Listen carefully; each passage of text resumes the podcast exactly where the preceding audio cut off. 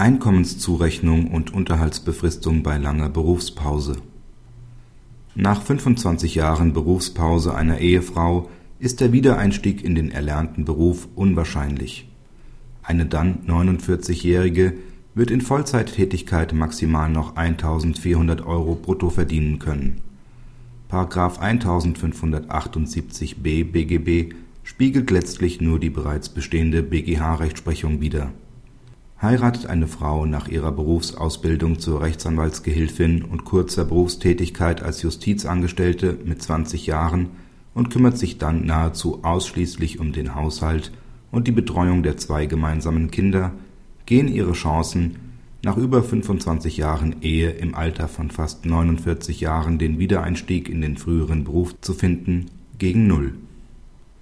Ihr kann man daher im Rahmen der Bemessung des nachehelichen Aufstockungsunterhalts allenfalls noch ein Bruttoeinkommen von 1.400 Euro für eine Vollzeittätigkeit zurechnen. Der Unterhaltsanspruch ist in dieser Konstellation auch nicht zu befristen oder der Höhe nach zu beschränken. Dabei ist festzuhalten, dass das neue Unterhaltsrecht hinsichtlich der Befristung und Beschränkung lediglich die einschlägige Rechtsprechung des BGH hierzu normiert. Es fand insoweit lediglich eine Erweiterung auf alle Unterhaltstatbestände statt. Eine Neubewertung der ergangenen höchstrichterlichen Rechtsprechung ist nicht nötig. Vorliegend ist nicht die Ehedauer an sich entscheidend, sondern die damit einhergehende enge wirtschaftliche Verflechtung der Eheleute und die über die Jahre immer stärker gewordene Abhängigkeit der Unterhaltsberechtigten vom Unterhaltsverpflichteten. Die ehebedingte Bedürftigkeit der Frau führt somit zur Nichtanwendung des § 1578b BGB.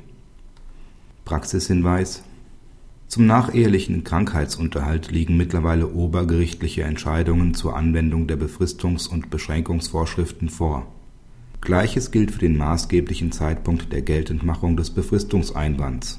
Der BGH hat sich erstmals ebenfalls bereits konkret mit der Befristung bei Fehlen ehebedingter Nachteile befasst